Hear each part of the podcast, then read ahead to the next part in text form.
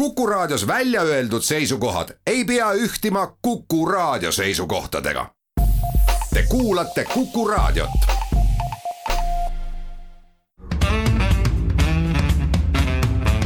muuli ja Riikoja tere päevast, head kuulajad, kell on seitse ja pool minutit üksteist läbi, et on reedene päev, siis loomulikult ka saate Muuli ja Riikoja aeg ehk Kalle Muuli, Hendrik Riikeja on stuudios. tere päevast. alustame tänast saadet üle nüüd mõne nädala taaskord Covidi teemadega teemadega, sellepärast et äh, tänane statistika, et ööpäevaga lisandus kakskümmend positiivset testi, on küll pisut ärevaks tegev. teiseks räägime Keskerakonna rahaasjadest, äh, kummalisest annetusest suuruses viiskümmend tuhat eurot, mis on siis tulnud suhteliselt tundmatult ja, ja rahaliste võimaluste poolest ka mitte selleks äh, vastavalt äh, daamilt.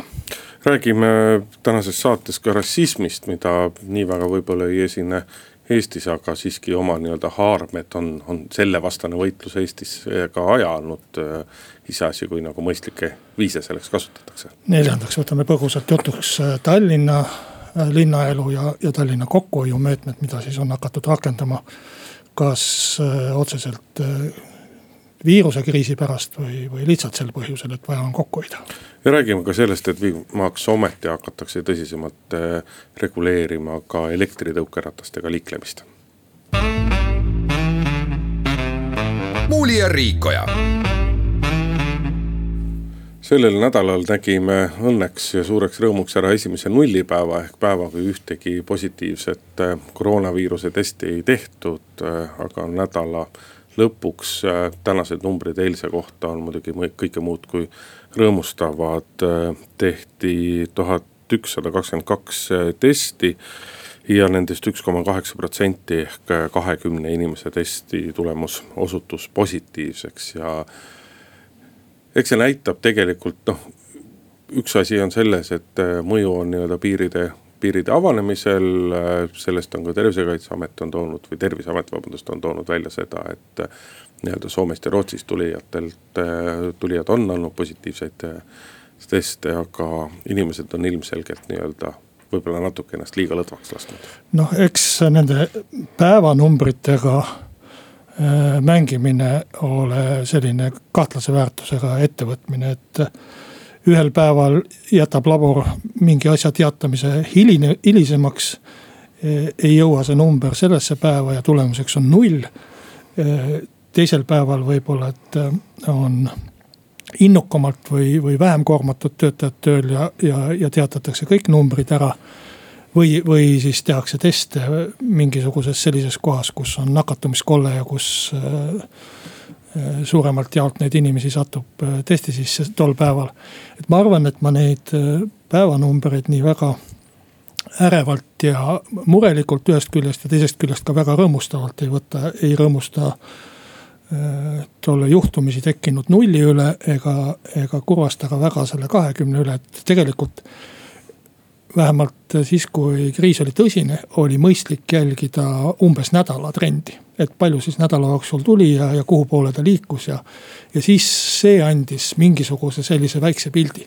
ma segan sulle korra vahele, et sul olemuslikult on jah õigus, aga vot selle viimase kahekümne puhul noh, sant on see, et kahekümnest viisteist on tulnud Harjumaalt ja siin tuuakse ka välja, et vot ei ole, küsimus ei ole nii-öelda sellistes üksikutes kolletes, et nelja puhul on tegemist perekondliku nakatumisega. neljal juhul on äh, nakatunud inimene töökohal, mis tähendab siis, et, et haiged inimesed on, on ikkagi tööle läinud.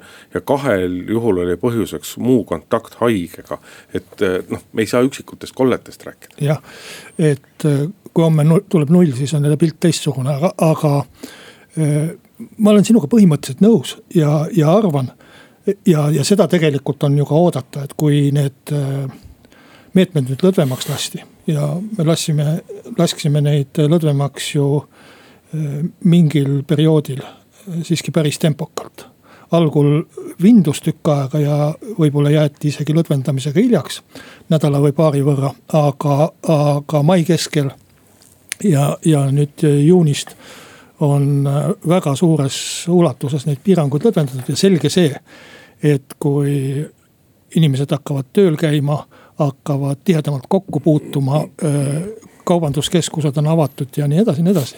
ja ka reisimine mingites riikides ja mingite riikide vahel on avatud, et selge see, et nakatumine tõuseb, et küsimus on minu meelest pigem selles, et kui palju ta tõuseb ja kas seda tõusu, neid uusi nakatumisjuhtumeid on võimalik ütleme nii-öelda jälitada, kontrolli all hoida. et kui palju neid korraga juurde tuleb, et kui neid tuleb väga palju korraga juurde, mis juhtub alkoholiga pidude korral või, või selliste suurte rahvakogunemiste korral.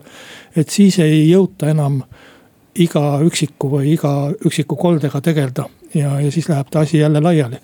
nii et ma arvan, et see, et me sellest räägime ja seda jälgime, et see on tegelikult äh, oluline ja, ja.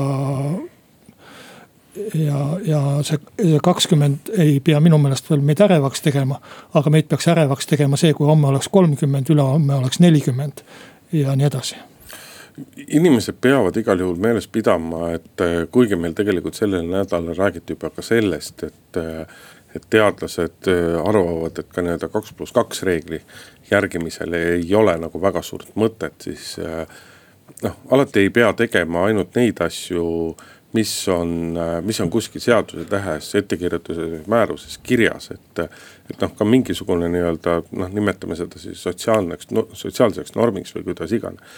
iganes, aga mingisugune tervemõistuslik käitumine võiks nagu ikkagi säilida ja, ja nendest asjadest äh, võiks kinni pidada, sest et sellest tõuseb igal juhul pigem tulu kui jääb kulu jah, siin on ju räägitud ka sellest, et kaotame selle kaks pluss kaks reegli ära üldse. et ma arvan, et tegelikus inimese elus inimesed käituvad nii, nagu nad käituvad ja, ja vaevalt, et on võimalik iga inimese juurde politseinikku panna ja jälgida, kuidas ta käitub. aga iseenesest, eh, kui ma oleks peaminister või kriisikomisjoni juht, ma seda reeglit ära ei kaotaks. Eh, see on väga hea üleskutse ja väga hea meeldetuletusviis Äh, ütlemaks, et me peame olema ettevaatlikud, me peame olema äh, pisut valvsad selle asja juures.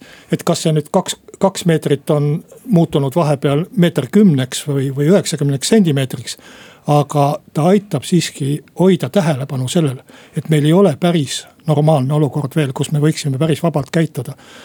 ja, ja eks see sõltub ju igast inimesest endast, praegu ju ei ole meil mingisugune viirushaiguste aeg. Praegu ei ole selline aeg, kus sa võid arvata, et noh, kui mul on selline kuiv köha, et äkki ma sain kuskil külma lihtsalt või, või midagi sellist, et on, on suveaeg. või kohe algab suveaeg, jaanipäevani on nii vähe jäänud. ja, ja kui sa ikkagi tunned, et sul on mingisugune köhimise või, või, või, või palavikuga või muu halva enesetundega äh, haigus külge tulemas, et siis sa ju tead ennast hoida ja tead, et sa ei lähe tööle, et sa ei lähe kuskile rahvarohkesse kohta. et minu meelest on see inimese väga suur vastutustunde küsimus. et väga rumal on mõtelda, et valitsus peaks hoid-, hoidma meid nakatumise eest või valitsus peaks meie tervise eest muretsema. valitsus muretseb haig-, haiglate eest ja valitsus muretseb intensiivravikohtade eest ja muude selliste asjade eest. aga oma tervise eest ja teiste inimeste tervise eest päris selgelt saavad muretseda ainult inimesed ise, valitsus ei saa tulla politseinikut sulle kõrvale panema. valitsus saab muretseda sellepärast, et eh, meil oleks piisavad varud ja asjad, eh, et selliste selliste epideemiate ja, ja haiguspuhangutega toime tulla ja selles mõttes oli positiivne, et eilse, eilsel valitsuskabineti istungil oli punkt ka. ka mis puudutab siis eh, riigi varusid ja Eesti Varude Agentuuri loomist äh, kui me vaatame, kuidas nii-öelda nagu noh, räägime me siis meditsiinitarvikute varudest, räägime me toiduainete varudest. kogu see pilt on siiamaani olnud nii-öelda nagu väga kaootiline ja aeg-ajalt, kui on ajakirjandus või avalikkus jälle miskil, miskite asjade vastu huvi tundnud, siis tuleb. on välja tulnud, et kuigi tegelikult justkui nõuded on, et meil peab olema mingi kogus toitu, mingi kogus maske, mingi kogus ravimeid. neljandaid, viiendaid ja kuuendaid asju, siis tegelikult seda tegelikult seda varu ei ole, et nüüd selle selle kriisi taustal võiks selle küsimusega tegeleda nagu võimalikult kiiresti ja võimalikult intensiivselt, sellepärast et nagu üks ettevõtja ütles ka sellel nädalal, et kaheksateist kuu pärast ei mäleta me kõigest sellest enam mitte midagi. jah äh,, siiamaani on põhiliselt äh, ikkagi soetatud ja muretsetud äh, sõjaväe või sõjaaja ehk siis riigikaitsevarude poolest, pärast ja eks seda varude asja tuleb ka üles ehitada ikkagi väga palju ka eraettevõtete peale. et see ei ole nii, nagu võib-olla, et mõned inimesed ette kujutavad, et me teeme kuskile ühe põllu peale ühe suure lao ja veame selle vilja täis ja seal ta seisab ja ootab. igavesest ajast igavesti. millal, millal meil tuleb äh, suur kriis või ikaldus või, või sõda, kus seda vaja on äh,. et äh, varusid põhimõtteliselt hoitakse ju tänapäeval ikkagi nii, et äh, bensiinijaamadel või kütusemüüjatel on kohustus lihtsalt teatud hulk tünne täis hoida kogu aeg aga see ei pea olema üks ja sama bensiin seal sees ega üks ja sama tünn. ja, ja, ja, ja, ja eraettevõtjatele siis ka vastavalt, kas siis tasutakse või, või, või on neil mingisugused muud kokkulepped, aga, aga see on pigem eh, tänapäeval ikkagi korraldamise küsimus. Mitte niivõrd see, et ehitame kuskile suured maa-alused punkrid. no üks asi on korraldamise küsimus, aga teine asi on ka nii-öelda tegelikult läbi mõelda, et mis asi, mida meil siis nagu vaja on, et äh, kui, kui siin mõne aja eest räägiti toiduvarudest ja siis tuli välja, et osa sellest toiduvarudest on nii-öelda kartulivahvlites, siis see on küll nagu pehmelt öeldes naeruväärne, eks ole. et, et ikkagi väga selgelt tuleb äh, läbi kaaluda see, et mis, mis asju meil siis olemas peab, nii toidus, nii kütuses, nii äh, ravimites nii isikukaitsevahendites kui veel kõigis järgmine, järgmistes, äh, järgmistes kohtades ja, ja ja tihtipeale ta nende nagu arutelukohtade peal jääbki nii-öelda noh, nagu jääb see asi soiku, et selles mõttes sõjavägi, noh, ma arvan, et siin tasuks väga selgelt rääkida kaitseväega ja kaitseväest äh, kaitseväge appi võtta, sest et äh, see on vast nii-öelda nagu kõige reaalsemate varudega struktuur Eestis üleüldse, kus tõepoolest on mõeldud seda, et mida meil vaja on, noh alates jah, noh relvadest, laskemoonast ja kõigest sellest. aga ka toidupakkidest ja kõigest sellest, seal on läbi mõeldud, mida need toidupakid peavad sisaldama, eks ole, palju nad peavad kaloreid andma. ja nii edasi nii edasi nii edasi, et sealt on nagu väga palju, väga palju õppida. nojah, ja need on juba teistes riikides välja töötatud standardid, et ega seal aga noh. no õnneks e-, eestlased on ikka ise ka mõelnud. ega nende varudega on ju täpselt samuti nagu, nagu kindralitega sõjaväes, et, et sõditakse ikkagi eelmist sõda ja, ja varudega on ka nii, et me suudame välja mõtelda neid varusid, mis meil eelmine kord vaja oli. et kes oleks suutnud ette näha, et meil on vaja sellises koguses maske eh, ja, ja mingisuguseid viirusekaitsevahendeid, noh. igasugusteks asjadeks võib valmistuda, aga ühel hetkel, kui riigieelarve arutelu on, öeldakse, et kuulge, kas te olete hulluks läinud. et tahate endale miljard maski osta siia seisma. teeme siinkohal väikese pausi, oleme paari minuti pärast eetris tagasi. Muuli ja Riikoja. jätkame saadet stuudios Indrek Riikoja ja Kalle Muuli. räägime erakondade rahastamisest natuke. erakondade rahastamise järelevalve komisjoni asendamisele riigikontrolliga on siis taustaks või, või, või vastupidi, eesliinil olevaks tekkinud üks Keskerakonna uus annetus esimesest kvartalist on siis Jaana-Helen Juhaste teinud Keskerakonnale viiekümne tuhande eurose annetuse, mis siis äh, väidetavalt äh, ei olevat tema sissetulekutega kooskõlas. ja, ja siis on kahtlus, et tegemist on, tegemist on kellegi teise raha annetamisega, mis teadupoolest on keelatud, lubatud annet-, isiklikud annetused. no ühest küljest võib seda vaadata kui äh, erakondade rahastamise järelevalve komisjoni head tööd et uurivad ühte annetust. teisest küljest võib seda vaadata kui erakondade rahastamise järelevalve komisjoni halba tööd. et äh, kahtlused on õhus, inimest süüdistatakse milleski, aga midagi välja uuritud ei ole, me ei tea tegelikult, äh, mis seal taga on, kelle raha see siis oli miks keegi ei tahtnud oma nimel annetada, miks ta, miks ta annetas Juhaste kaudu ja mis moel ta oma üldse seotud on. arvestades et, nagu ajalist raamistikku, ma küll ei saa aru, kuidas see nagu halva töö tulemus saab olla, et ega kõik see protsess võtabki aega ja, aga ja komisjon on juba uurimisorganite poole pöördunud. et kujutad ette, et, et kapol oleks tehtud, tekkinud kahtlus äh, kellegi Juhaste suhtes või, või, või Riikoja või Muuli suhtes, et ta on teinud mingi ebaseadusliku teo kandnud kellelegi ebaseaduslikult raha. ma arvan, et sa ei oleks sellest kuulnud enne, kui kapo oleks tulnud laua taha, teinud pressikonverentsi ja ütelnud. nii, X inimene rikkus seadust. me selgitasime välja, et see oli selle raha ja et see oli ebaseaduslik annetus ja see on kindel. loomulikult see kõik toimub veel enne kohut ja ega süü, süüdimõistvat otsust ei ole. aga, aga ikkagi praegu on väga palju selliseid juhtumeid, kus lihtsalt levib kahtlus.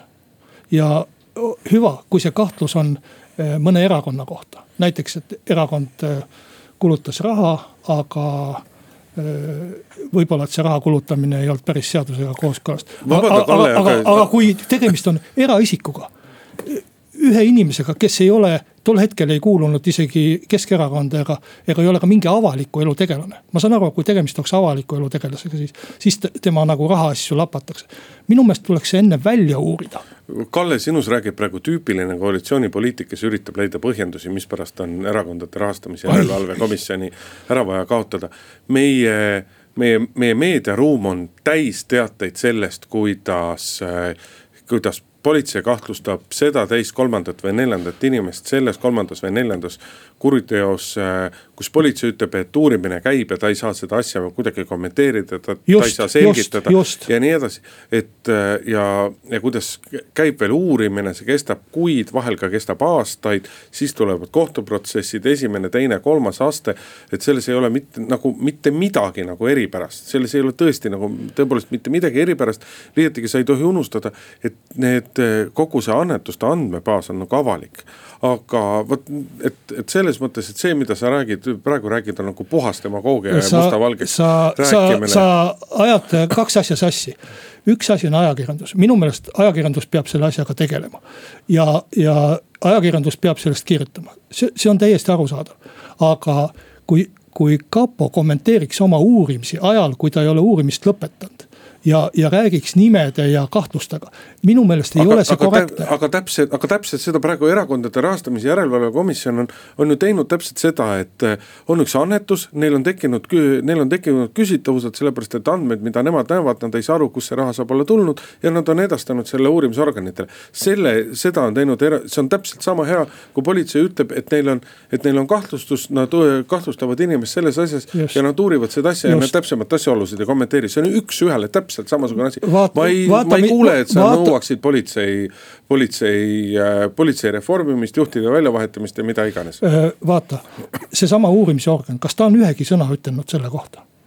ta uurib, selles on nagu probleem et. ei no las ta uurib, aga ta, see, et ajakirjandus ja, ja, selle taustal kirjutab, et see ei ole erakondade rahastamise järelevalve komisjoni probleem. avalikkuse ette siis, kui ta on selle asja välja uurinud. ei Kas..., ei tule, jäta nüüd, jäta nüüd, see kui asja on välja uurinud, see tähendab seda, et iga asjaga peaks tulema välja siis, kui materjali saadetakse kohtusse, politsei ei käitu ju niimoodi ei, ei, ei käitu ju niimoodi, uuri-, prokuratuur ei käitu ju niimoodi, nad ei tule asjadega välja ainult kas, siis, kui asjad on kohtusse läinud. kas sa saad ütelda, et prokuratuur on praegu kasvõi ühe sõnagagi seda asja kommenteerinud? ei, aga mis see prokuratuuri kommenteerimine siia puutub?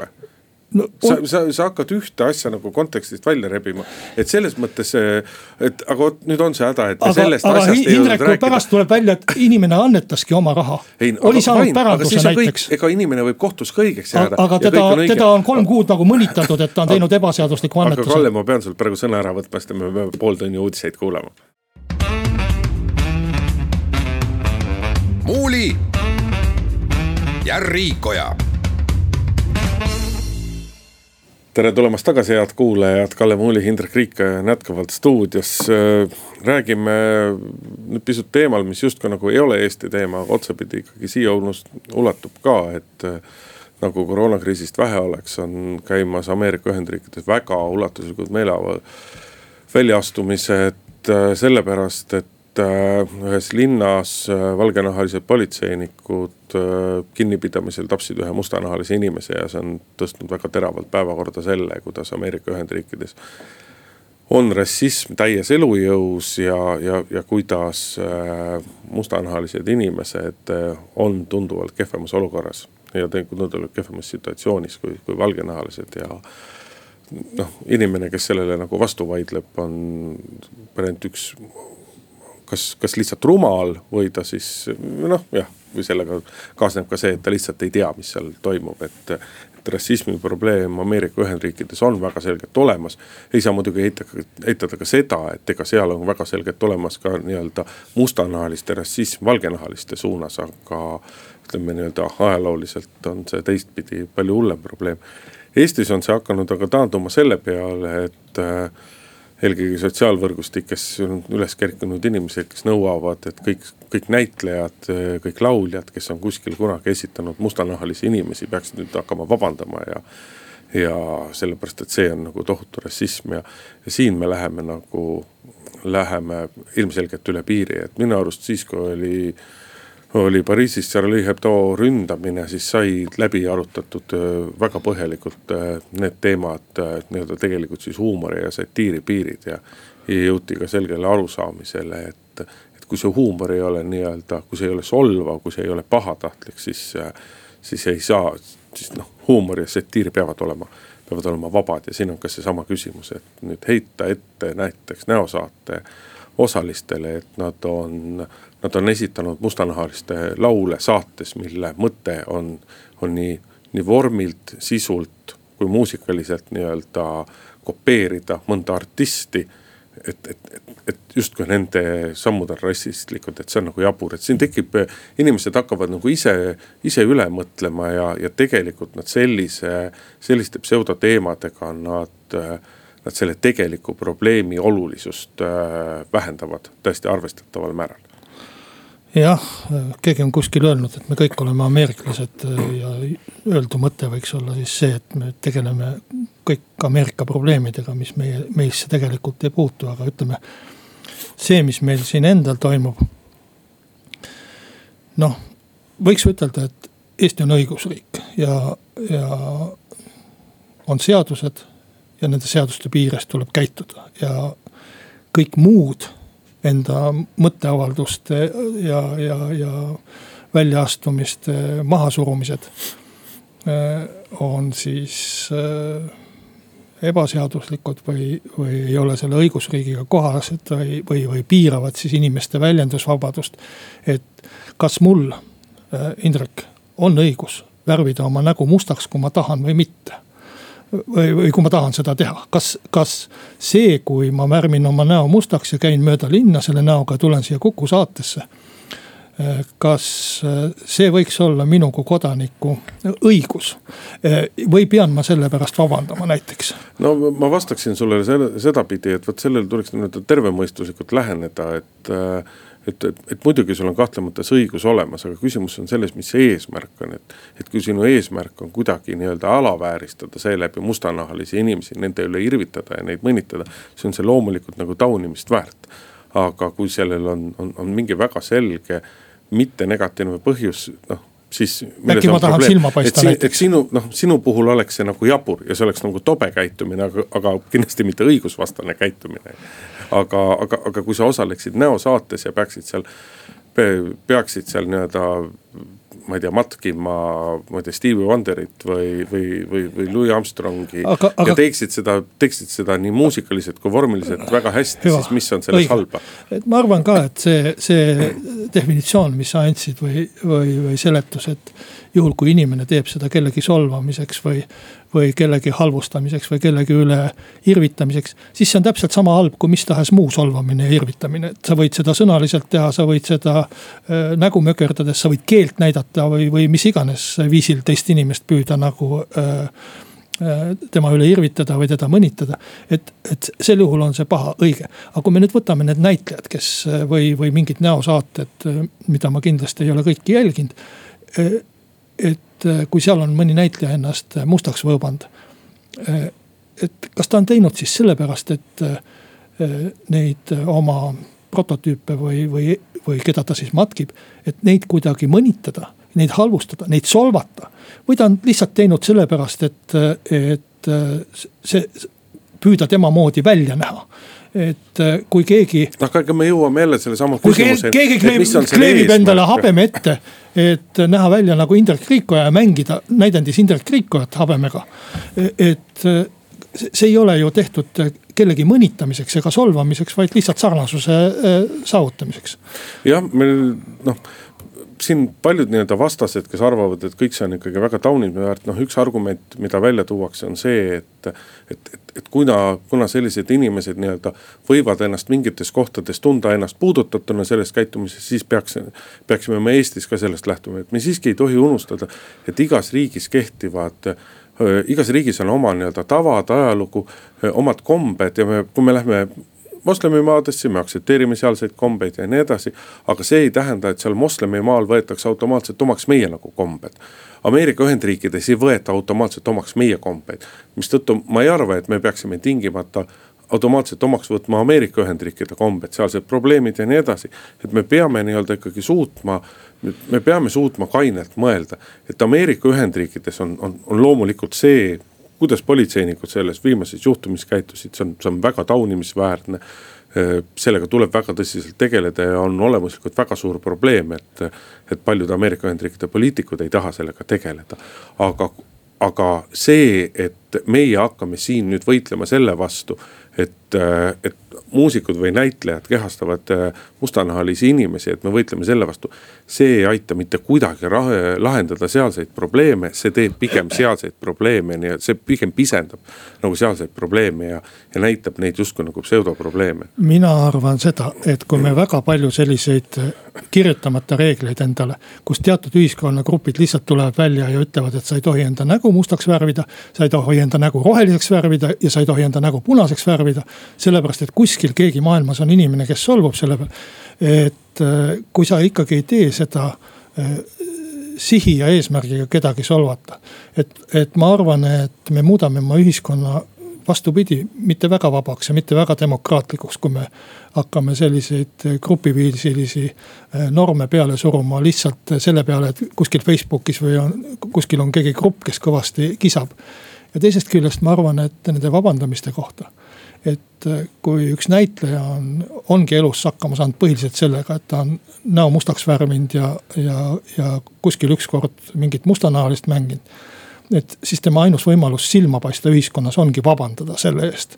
aga ta võiks vabandada selle eest, et ta nii kehvasti on mänginud, mitte selle eest, et ta näo mustaks värvinud. ja kindlasti kõige selle taustal tasuks siiski meelde tuletada nii-öelda inimestele seda, et vaatame et olge hea, meenutage Eesti ajalugu, tutvuge Eesti ajalooga. Juhan, Juhan Liivi võiks lugeda. ja, ja, ja, ja, ja, ja tuletage meelde, et mis olukorras nagu Eesti. Kotsa Otellot võiks vaadata, ma ei mäleta nüüd, kas ta mängis Otellot või Jaagut, aga. aga kõiki sellist, sellist meie kultuuriklassikat kindlasti tasuks nautida. muuli ja Riikoja. jätkame saadet Tallinna linnavalitsus on võtnud ette mingisuguseid äh, dramaatilisi äh, samme, äh, noh, mis võiks ütelda, on ikkagi Edgar Savisaare aja jäänuste likvideerimised, et ükskord, kui siin linnapood pandi kinni, ma ütlesin väga ennatlikult ja, ja. et nüüd on kõik läbi. nüüd on kõik läbi ja sugugi mitte järele mõeldes. ja tõepoolest ei, ei meenunud kohe, et Tallinnal on olemas ka Brüsseli esindus, mis äh, on täpselt samune Savisaare impeeriumi osa, et ta püüdis teha ükskõik, mis asja siis juhtis, teha sellest asjast riiki riigi sees ja niipidi Tallinnal olemas ka oma, oma esindused olema, no saatkonda ta väga palju ei suutnud avaldada, et Brüssel vist oligi ainukene võib-olla oli Moskvas ka midagi aeg-ajalt, aga no see võis illegaalne ka olla. noh, see asja sisu on see, et Tallinna linn põhjusel või teisel üritab nagu mitmesugustest kohtadest kokku hoida ja mitmeid ettepanekuid selles osas teinud. kuigi see Tallinna Brüsseli esindus on muidugi selline asi, et siin ma küll nagu tingimata ei. Ma, ma ei tea päris täpselt, millega Tallinna Brüsseli esinduses tegeletud on. seal tegeleti sellega, et oli, oli vaja töökohti luua ja jätkuvalt, oli vaja käia reisimas aeg-ajalt. et kas seal on jätkuvalt Allan Alaküla tööl või mitte, seda ma kahjuks ei tea. aga olemuslikult nii Eesti pealinnal samamoodi nagu ministeerium ministeeriumitel, erinevatel erinevatel esindusorganisatsioonidel on Brüsselis omad esindused, ei ole ka nii-öelda olemuslikult Tallinna esindus Brüsselis midagi taunimisväärset, aga. Aga jah, eks see on nagu linnaosade otsustada. mind on, mind ennast on, on kõige rohkem tegelikult nii-öelda äh, kummastanud kokkuhoiumeede, mida ametlikult ei ole välja kuulutatud, aga mitmed äh, lasteaiajuhatajad teevad rääkida, et neile on linna poolt, kuigi otsust ei ole, aga antud mõista, et kui linn tuli eriolukorra ajaks peaaegu kaheks kuuks lapsevanematele vastu lasteaedades ja ei küsinud kohatasu, siis alguses lubati lasteaia juhatajatele, et linn kindlasti kompenseerib selle osa saamata jäänud tulust lasteaedade jaoks, et lasteaedade eh, raha teadupoolest tuleb osaliselt nii-öelda palgatoetuselt, osaliselt eh, eh, laste kohatasust ja osaliselt siis linna nagu muudest eraldistest aga nüüd on linn justkui andnud mõista, et seda raha ei pruugita lasteaedadele kompenseerida. aga see võtab lasteaedade rahakotist arvestatava tüki ära. ehk nii-öelda edasiminekuks on teid kaks, kas koondada personali, koondada õpetajaid, mis on tõenäoliselt väga keeruline, sest sa ei saa panna erinevaid lasteaiarühmi kokku. aga võimalus on siis vähendada lasteaedade tööaega, õpetajate tööaega või siis äh, nii-öelda jätta tööaeg samaks, aga kärpida palka.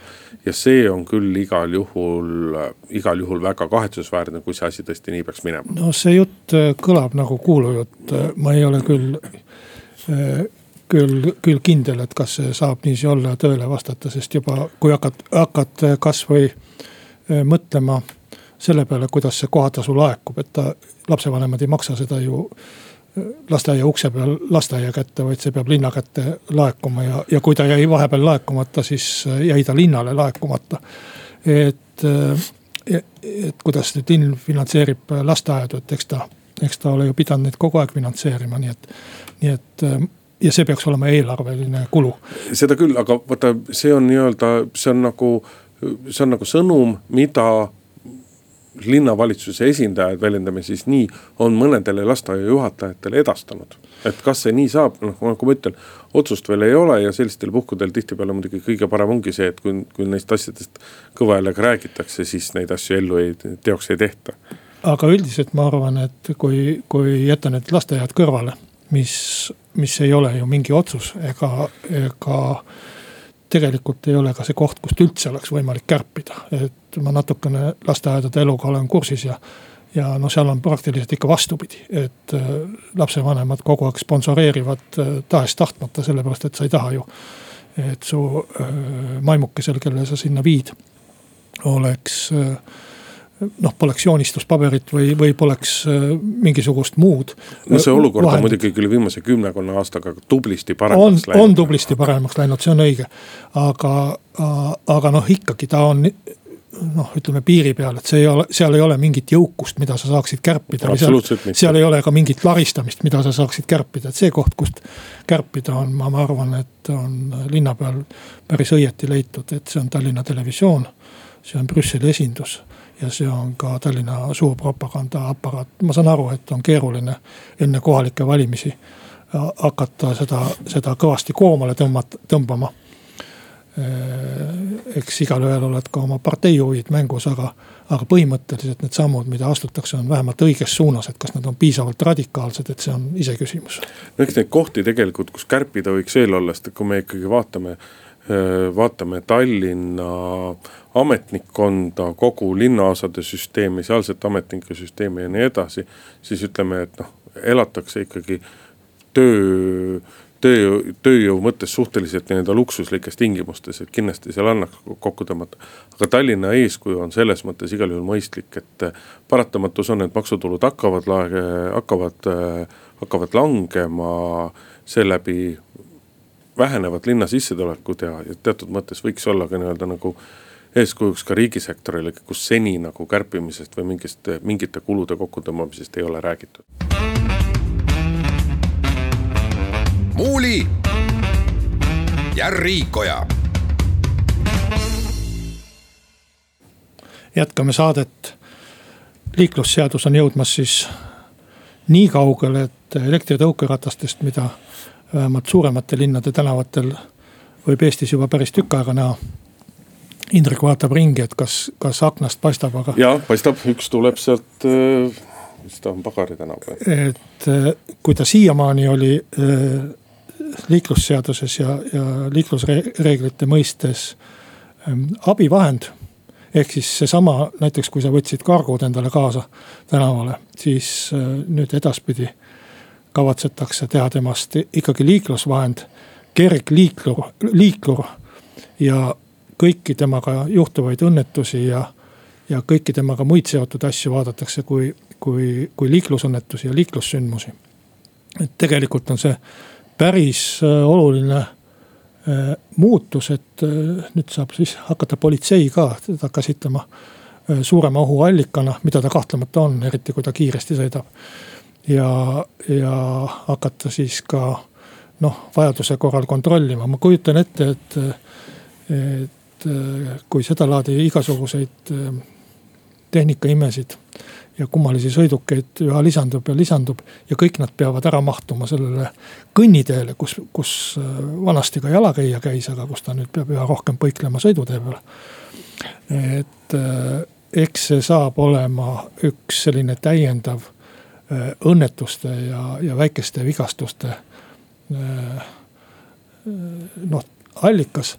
aga samas, kui keegi ütleks, et peaks selle tõukeratta elektritõukeratta panema sõiduteele, autode vahele, siis äh, see oleks minu meelest veel hullem lahendus. nii et pigem las nad olla seal kõnnitee peal, et elame selle vabaduse üle, kui ta korra selga tuleb, aga. aga vähemalt ei saa tõukerattur auto, autode all surma, tegelikult meie probleem on selles, et meil ei ole meil on küll liiklusvahendid, aga meil ei ole nende jaoks teed. meil on sõidutee autode jaoks no., meil on kõnnitee jalakäijate jaoks, aga jalgrattateid tõukerataste ja jalgrataste jaoks ei ole olemas. ja siis me peame niiviisi üksteise seljas elama.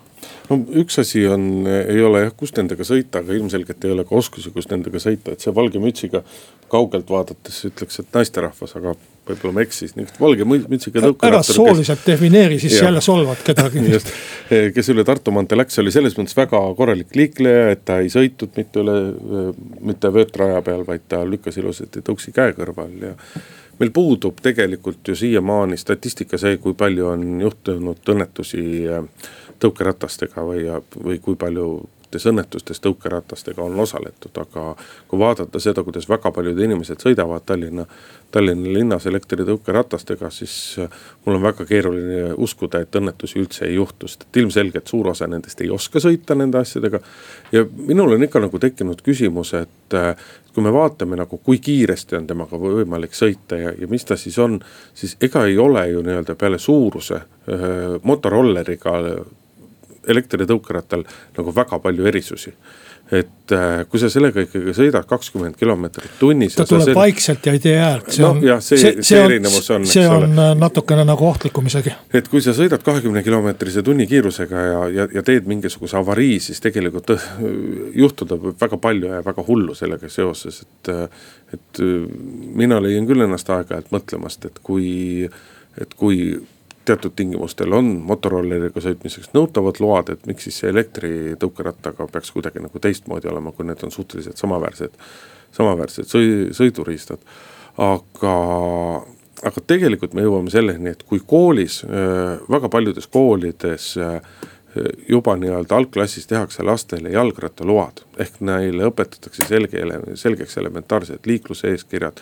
Kuidas sa pead sõitma, kus sa pead sõitma, seda, et sa pead tulema, kui sa ülekäigurada ületad, sa pead tulema rattaseljast maha ja nii edasi. ja selle tulemusena antakse väike eksam, tehakse väike eksamisõit ja saadakse tunnistus. siis miks ei võiks see samamoodi olla ka elektritõukeratastega.